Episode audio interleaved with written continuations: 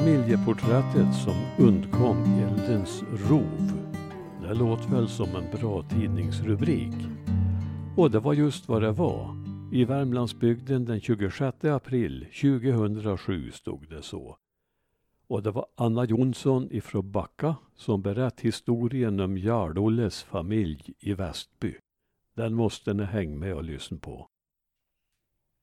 Det här är alltså skrivet 2007. Och då står det så här. För 106 år sedan föddes Anna Jonsson. Anna som levde större delen av sitt liv i Backa var ett föredöme när det gällde att dokumentera och hade en stor samling fotografier av folk i bygden. En stor sorg var det för både henne och hembygden när dessa fotografier försvann i samband med en eldsvåda. En bild som blev bevarad är fotografiet av familjen på Jarlgården i Gärdgården i Västby. Anna berättade för många år sedan familjens historia för mig och om hon hade haft lika mycket fakta om varje förstörd bild är tragedin med branden desto större. Anna hade en hel del funderingar kring detta familjeporträtt. Genom att studera barnens storlek och resonera kring deras förmodade ålder fick Anna fram att bilden nog var tagen 1897, någon gång på hösten. Förmodligen var det en kringresande fotograf som varit i farten. På originalbilden kan man urskilja en på orten okänd signatur följd av Gävle. Men Anna misstänkte ändå att bilden var tagen i hemmet. Hur skulle denna stora familj ha kunnat släpa sig iväg långt bort med häst och kärra till en fotograf och sedan se så här välvårdad ut? resonerar hon. Anna räknade ut familjens sammanlagda ålder. Samtliga på bilden är givetvis döda, liksom Anna själv. Men de flesta blev mycket gamla.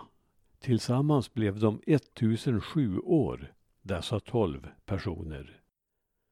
Modern själv blev 96 år, kunde Anna berätta, och dottern Maria blev 99.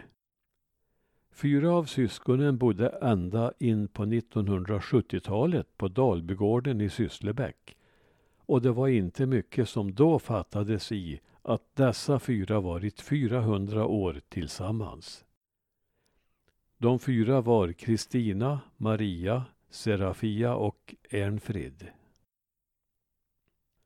Familjen bodde alltså på Jarlgården i Västby. Familjefadern hette Olof Persson men kallades Jarl-Olle eftersom han kom från Jarlgården. Han föddes 1836 och dog 1918, 82 år gammal. Hans bröder drev ett tag Västby bryggeri. När Olle var bortåt 20 år gammal var han tillsammans med några kamrater och smög utanför krokstugan i Brönäs och kikade på ett fönster. Ett inte så ovanligt nöje på den tiden innan tv och radio fanns. De blev då ögonvittnen till hur en liten flicka kom till världen. Då sa Olle, han ska jag gift mig med när hon blir stor. Väntan blev lång men visst gifte han sig med flickan som han hade sett födas. Hon hette Ingegerd Persson och efter hemgården blev hon kallad Krokingjal.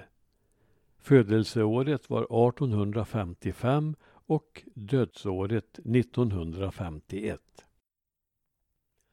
Kroksläkten som hon kom från var förfärligt stor, berättade Anna. Jarl-Olle var religiös och brukade predika på den tidens bönemöten som mest hölls i hemmen. Men en gång råkade han illa ut och det var när han förargade den trollkunnige finnen i Änga på andra sidan älven. Finnen hade en get och hur det nu hade gått till så hade geten en gång kommit över älven och Olle såg hur den gick och betade på hans ägor. Han försökte mota undan geten och slog efter den men då kom finnen över från Örsängsmon och trollade på Olle för detta tilltag. Nu ska Olle mista synen, sa han, och Olle blev blind. Men på hösten när finnen slaktade geten mildrades hans sinnelag och han tyckte väl att han hade fått hämnd nog. Då trollade han så att Jarl-Olle fick synen åter. Jarl-Olle och Krokingjar fick sitt första barn 1877. Det blev en son och han gavs namnet Per. Liksom de efterföljande barnen fick han namnet Olsson. Flickorna säkerligen Olsdotter. Per dog vid 79 års ålder 1956. Per var en mycket fin man, kunde Anna berätta. Han blev byggmästare och byggde bland annat upp den nya Jarlgården där han bodde med sin familj. Han var religiös och gick gärna på möten men hans fru, som för övrigt var min faster, hade inte samma läggning. Andra barnet, Olof, kom 1879. Han blev skogvaktare och bodde i grannbyn Benteby där han hade ett stort hus. Han dog 72 år gammal 1951. Så vitt jag minns var han aldrig gift, säger Anna. Kristina, den äldsta av flickorna i Jarl-Olles stora familj, föddes 1881 och dog 1975, då 94 år gammal. Hon levde för missionsförsamlingen. Det var otaliga möten som anordnades i hennes lilla stuga som hon lät bygga åt sig på Jarlgården i Västby. Hon testamenterade sina ägodelar till församlingen. Kristina var en duktig sömmerska som vi ofta anlitade, mindes Anna. 1883 föddes Serafia. Hon blev gift i Backa med enkemannen Per Persson som hade affärsrörelse i byn före Anna och Oskar Jonsson. Serafia och Per fick en son som flyttade till Likenäs. 1976 gick hon ur tiden, 93 år gammal. Nästa barn i familjen var Johannes som först såg dagens ljus 1886. Han var lite annorlunda än de andra syskonen och var gärna lite ironisk i sina kommentarer. Han och frun hade tre barn och bodde i Transtrand där de hade ett litet jordbruk. Johannes dog 1970, 84 år gammal. Tvillingflickorna Ida och Maria föddes 1889. Ida bodde kvar hemma och förblev ogift.